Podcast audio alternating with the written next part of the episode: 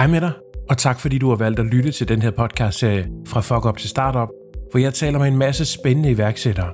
De fortæller om deres oplevelser med det at blive selvstændig. Der er både spændende historier, og så er der også gode råd til dig, der gerne vil starte selv.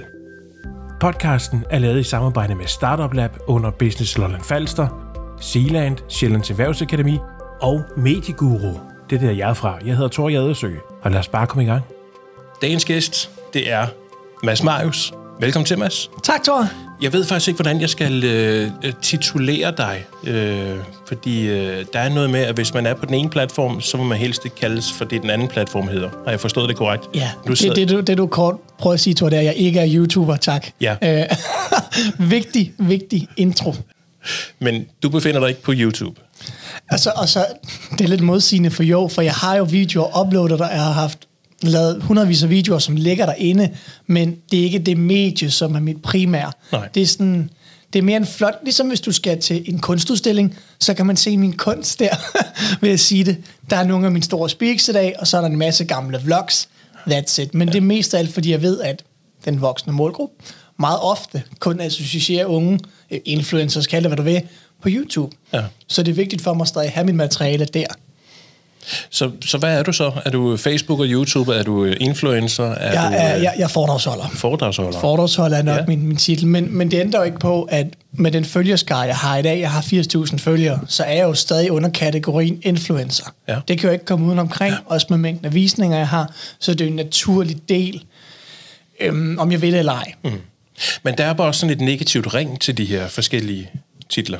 Ja, og, og det er der jo, for det er meget sådan en måde, medierne har portrætteret tingene på, at når man er influencer, Nå, men så er man sådan en dum en, der bare lever af at sælge beautyprodukter, eller øh, sluger kondom gennem, kon- kondomer gennem næsen, som man gør på YouTube, ikke? Mange gør. Ja. Øhm, eller challenges og så videre, ikke? Men, men det kommer meget på, hvem man følger. Hvis du kun portrætterer dem som, Som sluger kondomer igennem næsen. Ja, så, så er det rigtig svært at se den brede skare, som egentlig er mennesker, som også er influencers, men som gør et sindssygt fedt stykke arbejde, men hvis du kun følger lige dem som Instagram highlighter, eller fordi dine venner følger dem, så er det jo klart, at du ikke får mangfoldigheden. Men i det store hele, så øh, den paraply, jeg så vil sætte det ind under, det er, at du er øh, selvstændig. Ja, det, det kan man vel også godt sige. Ja. Foredragsholder influencer, men, men det som ligesom indsamler det hele, det er jo nok, at jeg er selvstændig, har ja. været i flere år efterhånden. Har det altid ligget i kortene, at du skulle være selvstændig? Nej, Nej.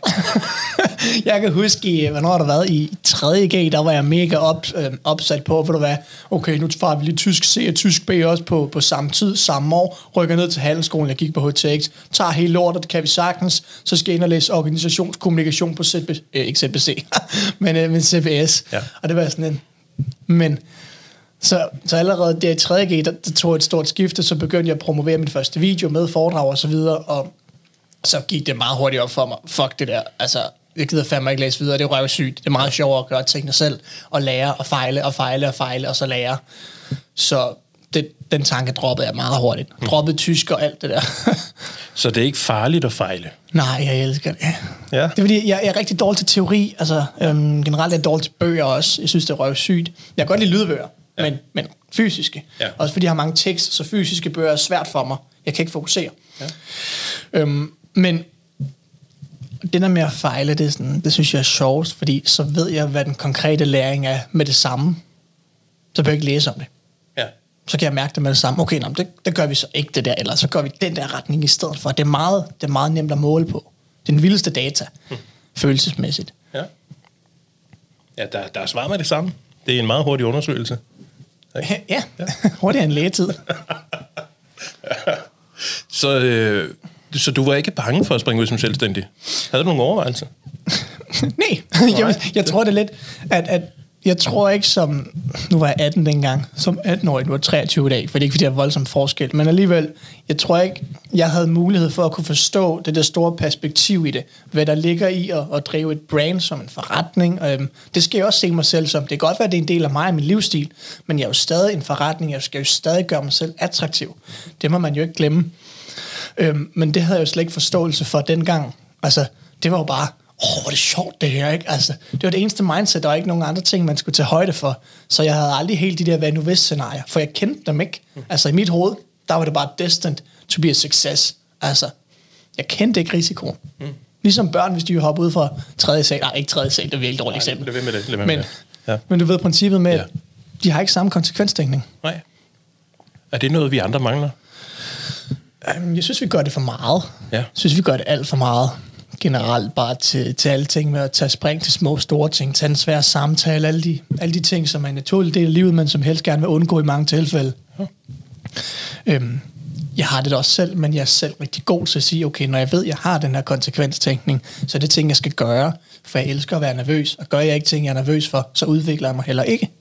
Så det er sådan meget simpelt matematik i mit hoved. Hvordan vidste du, at du skulle være foredragsholder? Øhm, storytime, Ja. tilbage da jeg var 16 år, i en, en meget fin, dyb gamingafhængighed, 8-16 timer hver dag, du ved, levede livet i World of Warcraft, det var the shit. ja. Øhm, på baggrund af, at jeg havde den gamingafhængighed, den kom fra, at jeg er født med en hjertefejl. Ja. Når man sidder og lytter derude, for at lige give en idé omkring mit ars længde, så forestiller jeg en iPad, en normal iPad, ikke sådan en fin iPad Pro og sådan noget, bare en normal iPad, som er 24 cm høj. Smæk den på midten af dit brystkasse, så har du længden af mine to ar, okay. som stammer fra to operationer i USA. Jeg er født uden lungepulsår. I teorien burde jeg være død, da jeg blev født, men I ved, Gud fungerer på mystiske måder. Øhm, eller Mads han gjorde, så han har udviklet nogle tråde, som gjorde, at han kunne transportere ilten rundt i kroppen, så jeg faktisk kunne trække vejret. Alligevel. Ja, hvordan? No one knows. Ikke engang lærerne. Nej. Ikke, ikke nogen, men, men jeg sidder her endnu. Øhm, og de to ting har altid gjort, at jeg har haft det meget svært med mig selv, grundet min hjertefejl, og så kom teenageperioden, det blev heller ikke bedre, kan man sige, vel? Mm. Men, men det har altid haft en kæmpe vægt på mig, fordi jeg fik fortalt, eller mine forældre også gjorde, og jeg også selv blevet på hospitalet senere hen, at Mads, grundet af en hjertefejl, så vil jeg nok lige sænke ambitionerne for dit liv, fordi den kan påvirke dig rigtig meget. Ja. Og for lige at sætte min hjertefejl i perspektiv, jeg kender en gut på min alder. Når jeg siger min alder, så er han et år ældre end mig. Han er 24. Knægten der, han er førtidspensionist. Vi er født med samme hjertefejl. Mm. Og øhm, det jo lidt omkring, hvor, hvor bredt det egentlig spænder med, hvordan altså udkommet, og hvor meget mindset også kan gøre. Ja. Så da jeg var gamingafhængig, der var 16, for lige at komme tilbage til headtrack, mm-hmm. der sker der det, at en aften, der sidder jeg bare og siger, fuck det lort her. Øhm, ligesom du kan hælde for meget kaffe, hvis du elsker kaffe, eller vand, eller for meget vand i en kop, så kan lortet flyde over. Når det flyder over i sidste ende, jamen det samme skete med mine tanker den her aften her. Jeg vidste, enten kunne jeg fortsætte ned ad den her sti, hvor jeg faktisk bare ødelagde mit liv endnu mere og mere og mere, eller jeg kunne sige, fuck det lort her, og bygge en virkelig karakter i stedet for. Så det gjorde jeg.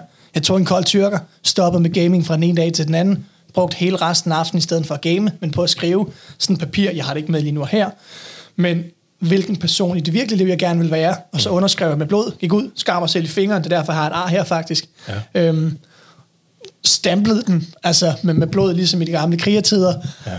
og det har jeg faktisk holdt ved, det papir lige siden i, i det er så syv år nu, jeg er gaminger, jeg ikke er gamingafhængig mere. Ja.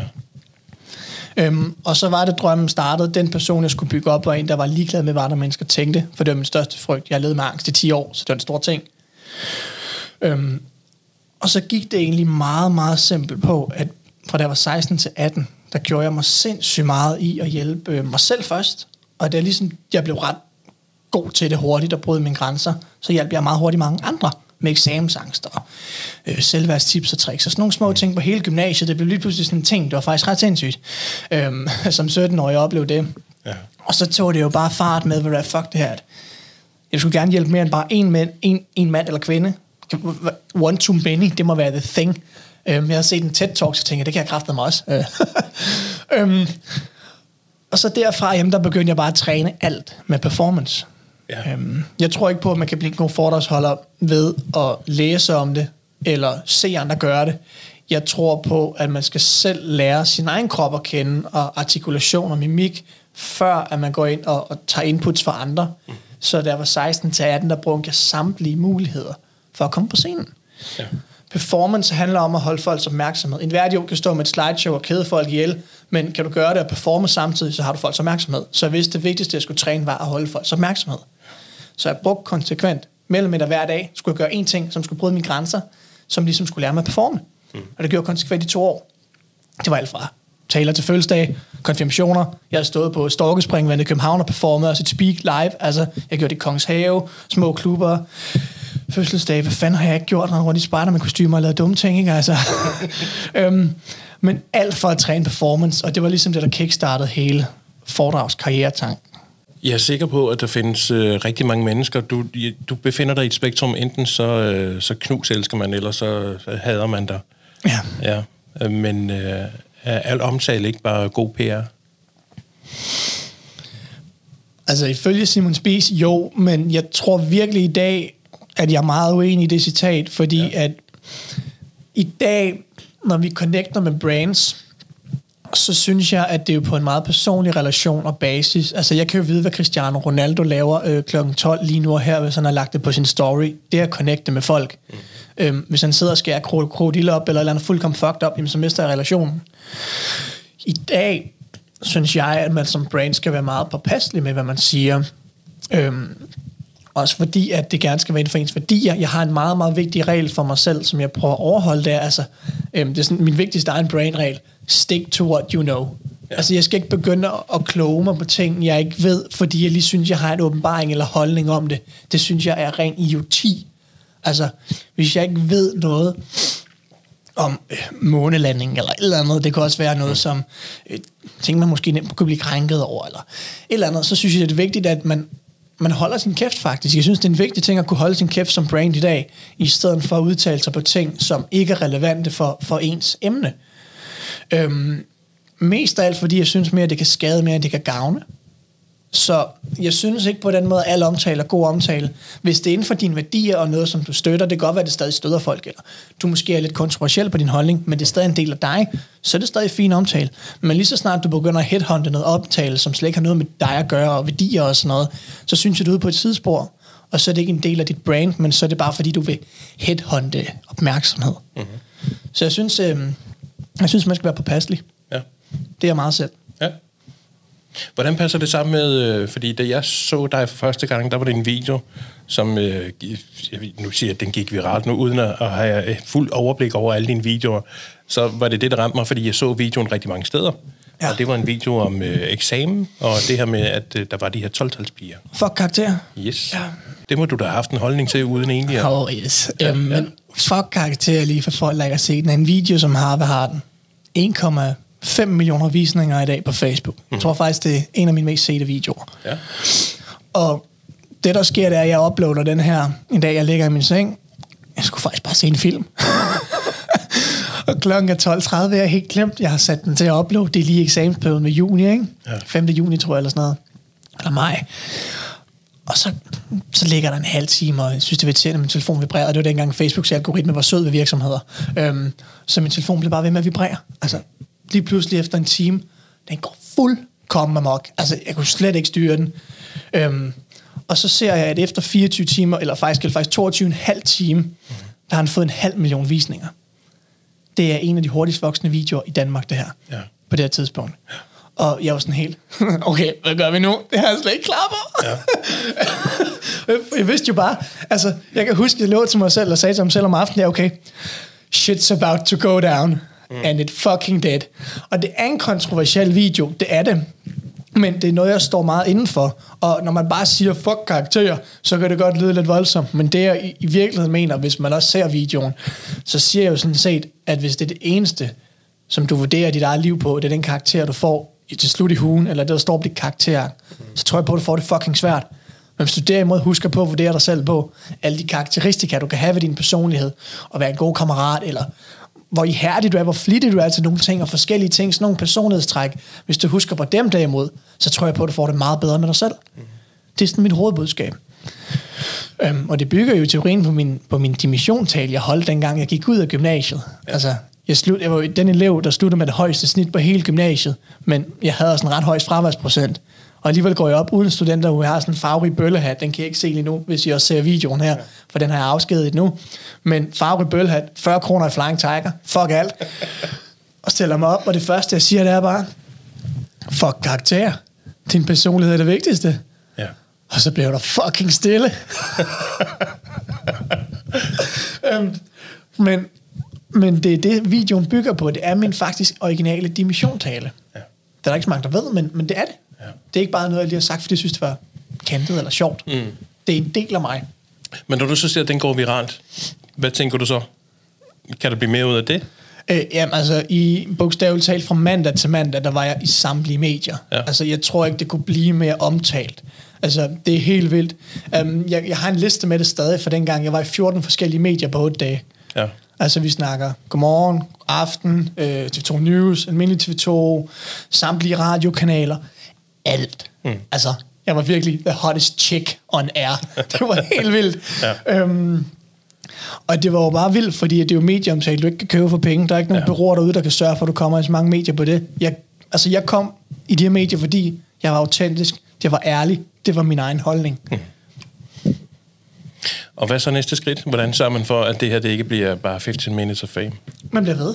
Ja. Øhm, jeg tror, at de fleste, eller det er ikke noget, jeg tror, det kan jeg jo se, at mange siger, om jeg vil også mega gerne bygge et brand, jeg vil også gerne lave foredrag, jeg vil også gerne gøre det her. Så gør de det et par måneder, og så stopper de. Mm. Altså, jeg har gjort det her konsekvent i syv år, og jeg er ikke stoppet. Jeg har 15 millioner visninger i dag mm. på mit samlede indhold. Øhm, og det er rigtig mange. Så i betragtning af, at man er, man er inden for dansk regi, ikke? Ja. Øhm, men de fleste stopper. Altså, jeg har utallige videoer i dag, som jo ikke har decideret det, det man skal huske på. Alle videoer skal jo ikke have sindssygt mange visninger. Det er ikke meningen. Men hvis en video for mig måske har 5.000 visninger, det er lavt sat, men den værdi, man skal huske på, den reelle værdi, den gør for den respektive målgruppe. Ja. Det er jo det, som tæller. Det er jo ikke ens betydende med, fordi en video er gået viral, den har, at den har en større værdi. Det kan godt være, at den rammer bredere, men det er jo ikke ens betydende med, at det er lige så følelsesmæssigt betonet. Mm. Og det er der mange, der ikke forstår, når man laver video. At de små videoer er lige så givende som de store. Så det handler ikke om altid likes. Øhm, og, så jo alligevel, det er jo også en ting, som jeg godt vil sige, sige meget åben og ærligt, at har man jo ikke den høje interaktion på nogle videoer osv., og, og du ikke kan se, dit brand vækster, og dit brand bliver jo målt på, om du ved det eller ej, så kan I være uenige. Jeg er sådan set ligeglad. Hvis du ikke har x antal følgere eller noget, så har du bare ikke lige så meget at skulle have sagt. Mm-hmm. Det lyder lidt voldsomt, men, men, men du bliver vurderet på det. Fra, fra virksomheders side af, men også fra folket. Kø skaber kø. Står der 10 personer i kø derinde, den ser meget populær ud, så vil jeg også hellere derhen, mm. end den, der står tom. Ja. Øhm, på samme her, hey, han har mange følgere, eller mange visninger. Lad os da lige se, hvad der sker her, ikke? Så om man ved det eller ej, så er det jo bare rent psykologisk salgs mm. ting, ikke? Hvordan er du blevet så god til at kigge indad?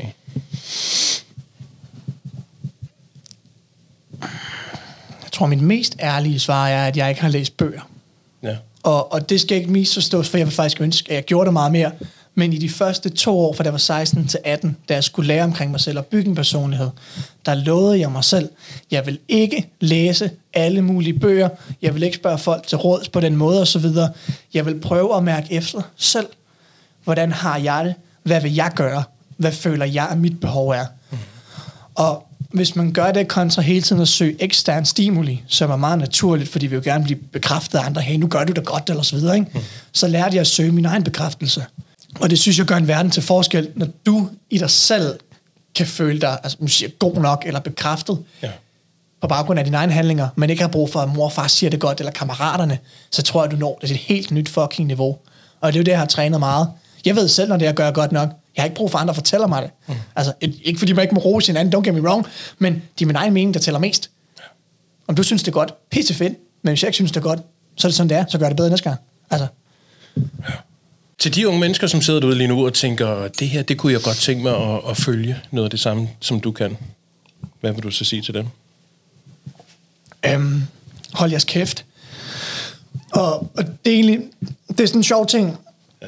Nu siger jeg, hold jeres kæft. En af mine, mine yndlingsting, som jeg godt kan lide at, at sætte i perspektiv, det er, at hvis man hele tiden siger, at der er noget, man gerne vil, og der er noget, man hele tiden minder sig selv om, ligesom princippet med, jeg tror ikke på, at mennesker, der stiller sig op i spejlet hver dag, og har brug for at sige til sig selv, jeg er glad, jeg er smuk, jeg er fucking god, og så videre. Ikke? Jeg tror ikke på dem, jeg tror på, at de har det forfærdeligt. Hvis du har brug for at bekræfte dig selv i de ting, så har du det svært med et eller andet.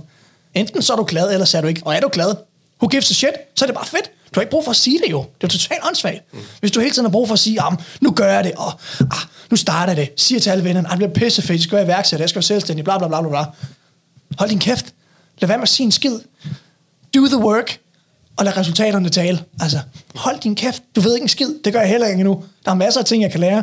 Hvis du hele tiden tror, at du har svaret, eller hele tiden siger, at du har brug for at bekræfte dig selv i tingene, så tror jeg ikke på, at du kommer så langt. Fordi så begynder du at tale mere om det. Og så bliver din tale til og med andre en, en måde, du kan blive bekræftet i, at du føler, at du rykker dig. Men du rykker dig ikke ved at tale. siger ham idioten, som lever af at tale. Øhm, men, men, men ved at tage handling, konkret handling. Ja. Altså nogle gange, så er det altså bare en ting, der hedder, hold din kæft, og så do the work. Hvad har du brugt længst tid på at blive god til? At stå foran et kamera. Ja. Og det virker underligt at sige for mange, som måske har set mine videoer. Mm. Men, men det er jo også noget, man ikke ser. Jeg har jo søgt, der var 16 til 18, det var der, hvor jeg virkelig lagde the groundwork.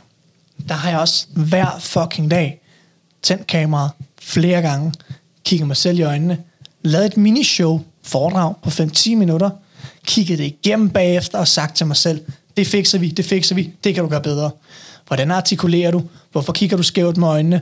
Hvordan kan du gøre bedre, så din krop, kropsposition eller kropspositur ser mere afslappet ud, mere selvtillidsagtig ud? Hvad kan vi gøre? Mm. Det har jeg gjort i to år, hver fucking dag. Men det er der ikke nogen, der ser.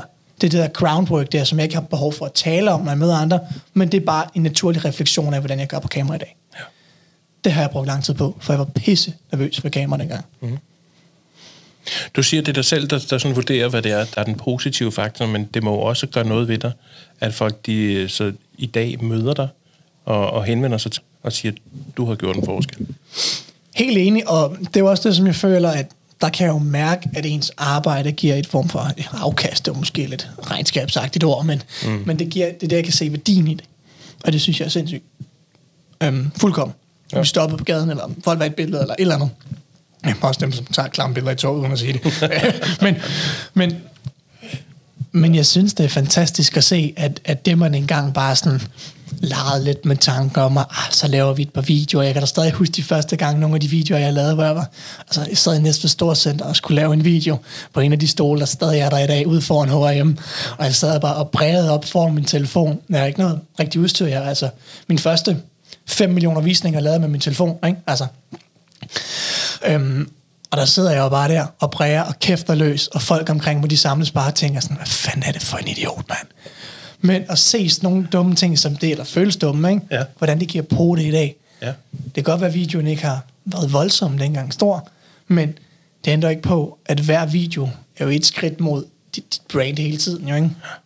Så altså, jeg vil aldrig være der foruden. Jeg synes, det er så sygt. Hvordan er den bedste start på din dag?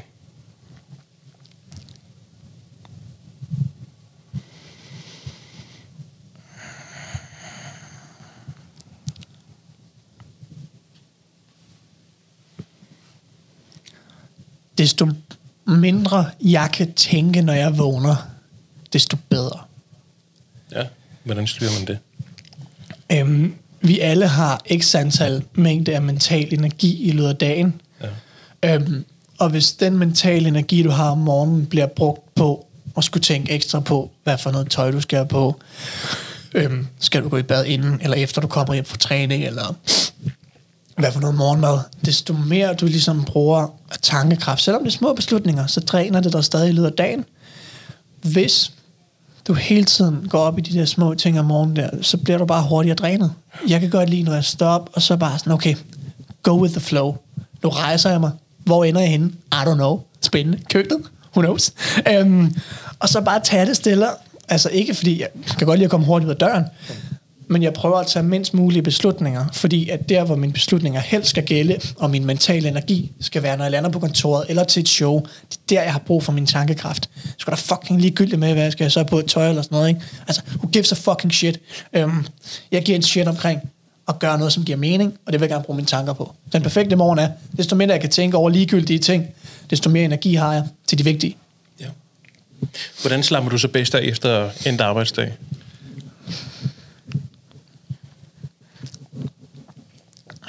jeg er ikke så god til at slappe af. Nej. Altså, jo, jeg har et, et, et safe space for mig, det er altid træningscenter. Ja. Det har jeg adopteret, det mindset, at det er dernede, hvor jeg slapper af, fordi at der er jeg fokuseret, jeg har en personlig træner, der er jeg fokuseret på at skulle træne nu og her, øhm, og så har jeg ikke min telefon på mig, eller noget som helst, og så slapper jeg auto- automatisk af.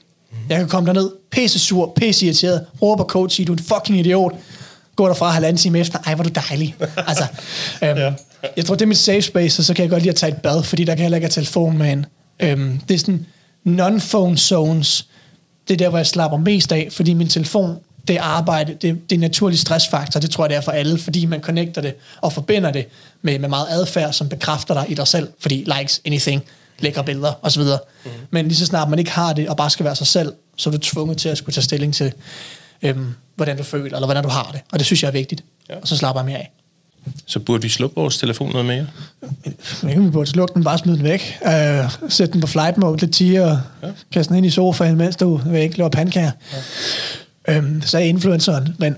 Øh, ja, det er det, ikke? Men, men, men ja. selv for mig, selvom det er en vigtig del af min hverdag, så, så, er det, så er det stadig sindssygt afslappende. Jeg prøvede her forleden aften, sådan et kort eksempel. Jeg skulle øhm, hjem til min kæreste lige om aftenen. Vi skulle lige ud og lukke hunden ud, eller ind. Ja. Og jeg havde telefonen med, høre musik i bilen, men da vi gik ud, hun boede på landet, så tænkte jeg, okay, bare det, jeg lod den ligge i bilen, mens jeg lige gik en tur rundt, altså ude ved marken og det der, ikke?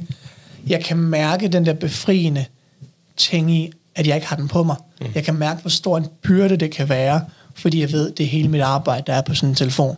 Det er jo egentlig sindssygt at tænke på. Ja. Men så snart den ligger væk, så har jeg en mere naturlig ro i kroppen, fordi jeg ikke føler, at jeg skal stå til regnskab for noget. Mm. Det lyder lidt simpelt, men, men, men det hjælper mig. Ja. Den største stressfaktor, jeg tror for de fleste, det er deres telefon. Ja. Om det ved det eller ej, det tror jeg på. Ja, for den er der jo hele tiden, og hvis ikke man lige, øh, hvis man glemmer det et øjeblik, så skal den nok minde om sig selv, ikke? Det er sådan, man får en besked. Ja, for helvede. Ja. Der er jo rigtig mange, som følger Mads Marius, men, øh, men hvem følger Mads Marius? Jeg følger faktisk en, en sindssygt bred skare mennesker, ja. på baggrund af, at mange af dem, jeg følger, er jo faktisk mine følgere. øhm, men jeg følger jo også med i deres liv. Ja. Og det synes jeg er ret unikt, fordi nogle af dem har jeg jo kendt i, siden jeg startede i fire år. Altså nogle i tre år, nogle i to, nogle i et. Og så synes jeg, det er fedt at se, nå okay, Pernille har måske fået et barn, eller øhm, så har hun måske lige startet på en uddannelse. Nogle af dem, jeg har lavet show for tre år siden, altså i folkeskolen, og nu starter på gym eller et eller andet. Det er fuldkommen, it's like I have kids, you know. men, men jeg synes jo bare, det er helt sindssygt, fordi at jeg kan godt lide at følge med i deres udvikling. Ja. Og så dem, jeg mest følger, det er faktisk dem, som har fulgt mig på min rejse. Mm. Dem følger jeg på den anden side også på bedst mulig vis. Der er ret mange, så jeg gør mit bedste for nogenlunde at keep track, ikke? Men, ja, ja. ja, for du må også få masser af henvendelser. Åh oh, ja, 7-8.000 hver år, dog. Ja. Og kan man forvente svar på dem alle sammen? Ja. Ja? Jeg svarer på alle. Fedt. Jeg gør mit bedste for at svare inden for 24 timer. Det er, ja. det er en prioritering, jeg har, fordi jeg har aldrig brugt mig om, at folk der lige pludselig mener, at de får sådan, sådan ekokompleks eller problem med, okay, nej, det er for fint til at svare, eller øhm, så gider jeg ikke prioritere tid til dem. Prøv at høre, det var dem, der var der for dig til at fucking starte med. Så gider du lige vise noget fucking respekt, og give noget af din tid tilbage til dem. Altså, jeg kan ikke have det der med, at jamen, så, kan jeg ikke, hm, så gider jeg ikke lige bruge fem minutter. Nej, ved du hvad, det skal du fandme. Brug en time. Altså, gør noget for dine følgere, ikke? Ikke bare poste et pænt billede af dig selv, og give a shit. Giv mig din tid. Ja. Øhm, det går jeg meget op i. Så jeg prøver altid på bedste vis at svare inden for 24, måske 36 timer, afhængig af hvor mange der er. Der er ret mange, så jeg gør mit bedste. Ikke? Ja. Øhm, men jeg svarer altid. Mm. Hvad har været din største udfordring ved at blive selvstændig, og hvordan kom du over den? Jeg tror, min største udfordring er, at alle har en holdning til det, du laver, og skulle lære at filtrere den fra. Ja. Fordi alle mener jo også, når man er ung i mange tilfælde, du ved ikke noget søde skat, ikke? Nu skal du høre her, det er så sådan, vi gør det. Fordragsbranchen fungerer sådan her. Måske du skulle tage en uddannelse, inden du begynder at kæfte op, ikke? øhm, ej, sådan der vil jeg heller ikke gøre markedsføring. Det er sådan lidt, nej, prøv at høre, prøv at høre, der er så mange holdninger til, hvad du egentlig gerne vil, og hvordan du skal gøre tingene. Og det er også fint, hvis folk gerne vil hjælpe, men mange gange er det sådan mere en, jeg ikke, hvad hedder det, sådan condescending, sådan en nedladende tone, ja. fordi jeg ved bedre end dig, ikke?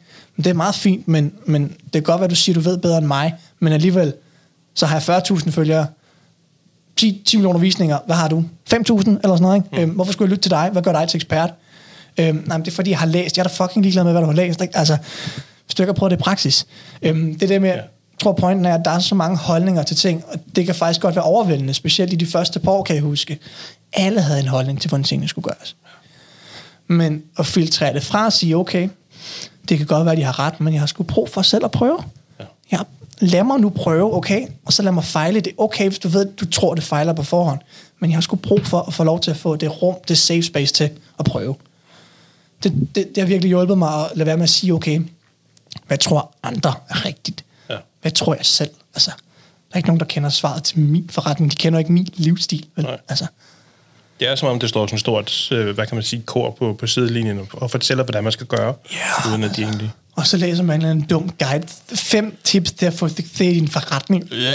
Altså, det er jo sådan noget, nogle gange det bliver lidt sådan, ikke? Jo. at det er så generelt, og øhm, i stedet for så sige, okay, nå, ved du hvad, det her, det, det tror jeg på. Fordi tror du på det, så er det som regel sjovt, og så giver du det en ekstra skalle. Fejler du fint, jamen, så prøver du en ny ting. Hvad er det mest positive ved at være selvstændig?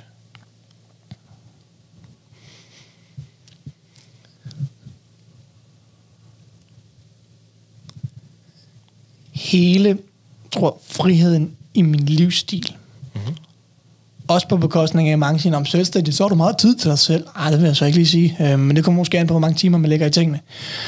Men jeg kan godt lide, at jeg kan tilpasse min livsstil ud fra, hvor min energi fungerer bedst, i stedet for sådan 8-16 i mange tilfælde, jamen der er du sådan lidt, jamen der skal du lære at følge den livsstil, og så kan du først træne måske før eller efter. Men hvis jeg har lyst til at træne kl. 11 i dag, så skal jeg fandme love dig for, at jeg nok skal træne kl. 11 i dag. Mm. Fordi jeg ved, at min energi er god der. Det der med at kunne designe sin, sin dag ud fra, hvor ens energi er bedst, det synes jeg er sindssygt fedt, fordi det er noget, du ikke lærer i skolen. Altså, vi ja. alle sammen er forskellige, vi har mental energi. Nogle er night owls, altså nogle holder bedst om aftenen, nogle er gode om morgenen, så er der nogen, der siger, at det kan man bare træne. Nej, biologisk kode er det sådan, det fungerer. Takket være nogen dengang i jægertiden, nogen skulle være op om natten. Hvis du er ligesom descended eller kommer fra dem, jamen så er det klart, du er night owl i dag. Sådan er det, rent genetisk. Det er ikke engang til diskussion. Men det lærer man jo ikke om. Man lærer ikke omkring energien i ens krop kan være forskellig i løbet af dagen. Og det kan jeg godt lide at bruge, og det har jeg muligheden for som selvstændig. Det kan jeg ikke, hvis jeg er det 8-4. Jeg har sådan tre standardspørgsmål, jeg stiller alle mine gæster. Uh, Så nu går vi lige øh, et spadestik dybere. Det første, det er, er der overhovedet nogen som helst grund til at stoppe om morgenen?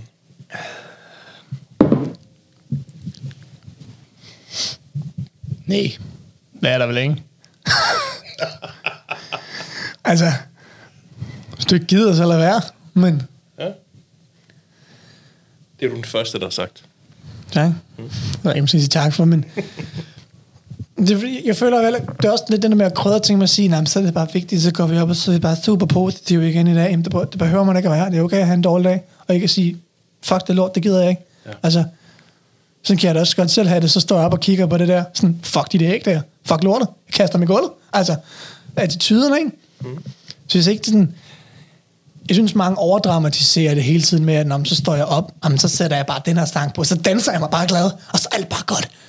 Okay, det tror jeg bare ikke på. Altså, sådan, det er okay også at bare stå op og tænke, okay, hvornår bliver jeg kørt over? Ikke? Altså, mm. øhm, men det er min egen attitude. Jeg synes, det er okay at være i den, i den negative følelse, fordi vi hele tiden bliver primet med, alt skal være positivt, alt skal være godt. Men hvis alt er godt hele tiden, hvornår kan jeg ligesom differentiere tingene, ikke? Mm-hmm. Så jeg synes, det er okay at sige, hvad du er. Skal jeg stoppe i dag? Nej. Nej. Det er okay at have en dårlig dag, og bare tænke, fuck det her. Slæb dig igennem. Altså alligevel give nogle gode vibes, ikke? Men ikke fordi du bare skal sige, at okay, så giver jeg op. Men, Nej. men det er okay bare at sige, med. Det er bare med. Så man skal ikke frygte det negative, man skal nærmere omfavne det. Ja, fordi mange gange så bliver det negativt også til en positiv ting jo. Og det er det, man skal huske på, at positiv hele tiden, det synes jeg mere er negativt, fordi at du hele tiden, du fokuserer jo konstant på, at alt skal være godt. Men hvis du hele tiden fokuserer på det, er det så godt overhovedet, ikke? Det stresser dig jo mere end noget andet. Ja. Er du igennem en negativ opfølelse, øh, leve, oplevelse, hvis man skal sige det det, Ja. så mærker du dig selv, du føler, det er en del af at være menneske. Bum. Når du kommer ud af det efter x antal timer eller sådan noget, så er du fucking overlykkelig. Ikke? Altså, det giver jo til en positiv oplevelse, fordi du som regel også lærer noget af det negative. Så jeg synes, det er det der med, at, at, at det er okay. Det er sgu cool nok. Man må godt være med. Det er det bedste ord, med.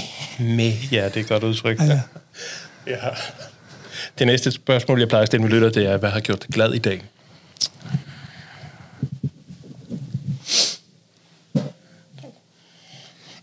I dag er en ting, det er lidt sjovt, jeg sagde egentlig, jeg ikke gad læse tidligere, øhm, men jeg har faktisk bevidst prøvet i morges at sætte mig ud på altanen. Det er jo dejligt varmt, Danmark, sommer. Og så satte jeg en timer på mit gamle stopur, 5 minutter, og så læste jeg i en fucking bog. Mm. Det har jeg ikke gjort i like ever. Øh, så det var bare rart at prøve at skifte lidt den der rutine ud, inden jeg kom hen til podcasten, så tænkte jeg, nej, jeg skal nok nå det, jeg kan godt nå det. Øhm, men prioriterede tiden til det, og det gav mig faktisk en, en lidt anden ro. Altså, jeg went bare with the flow, det var ikke noget, jeg skulle, jeg gjorde det bare. Ja. Det var faktisk meget sjovt. ja. Hvad var det så for en bog, du valgte? Jamen lige nu, der, der gennemlæser jeg igen, det er simpelthen min yndlingsbog, øhm, hvad hedder den? The Subtle Art of Not Giving a Fuck, eller Øhm, Ja. The Simple Art of Not Giving. Jeg kan ikke huske det. Mark Manson, mine damer og herrer. Ja. men, men det kan jeg godt lide, for den er så counterintuitive. Den er så anderledes i forhold til altid at tænke på glæde. Jeg har ikke engang læst den før, men, øhm, men jeg har fulgt ham på, på Insta, og alt det han poster, det er jo samme fra hans bog, for det er jo ligesom en måde at lave markedsføring på, kan man sige. Ikke? Ja. Så, men han er super cool, så det er egentlig den. Og det sidste spørgsmål. Ja. Hvis du frit kunne bestemme, der er frit valg på alle hylder, ingen begrænsninger, hvad vil du så allerhelst lave i morgen? Hvad er det i morgen? Det, er, det er torsdag i morgen. Okay, det er lille fredag i morgen. Mm-hmm. Og nu, hvis jeg kunne vælge, og det var sådan, eller sådan Nick og Jays sidste dag, så tror jeg faktisk, at jeg har gjort noget, som var mere utraditionelt. Så havde jeg faktisk gjort noget, som gjorde mig mest glad. Så havde jeg hoppet i mit spiderman kostume og så havde jeg ned i gaden og håbet på, at der var nogle børn. Ja. Og det, det har du gjort før, det der kostume. Ja, mange år hvert år. Ja. Ja. Og den går fest, mine damer her. øhm, men jeg tror mere, fordi det er sådan en anden måde at skabe glæde på. Det er en anden måde, hvor jeg ikke... Altså, jeg er ikke Mads Marius på... Jeg er fucking Spider-Man, okay? Det er Peter Parker, det her. Ja. Øhm, og så hvis nogen kommer hen, hey, jeg ved godt, hvad du hedder. Du hedder Peter. Ej, shh, ikke? Ja. Altså, men Ja. det er en helt anden måde at skabe glæde på, som jeg bare elsker. Og fordi man... Altså, jeg elsker jo Spider-Man overalt på jorden. Det gør jeg. Ja. Øhm, så det er en anden måde at, at kunne, kunne slappe af på, tror jeg. Men der nævner du børnene igen. Er, er vi blevet for, for voksne? Burde vi være sådan lidt mere umiddelbare?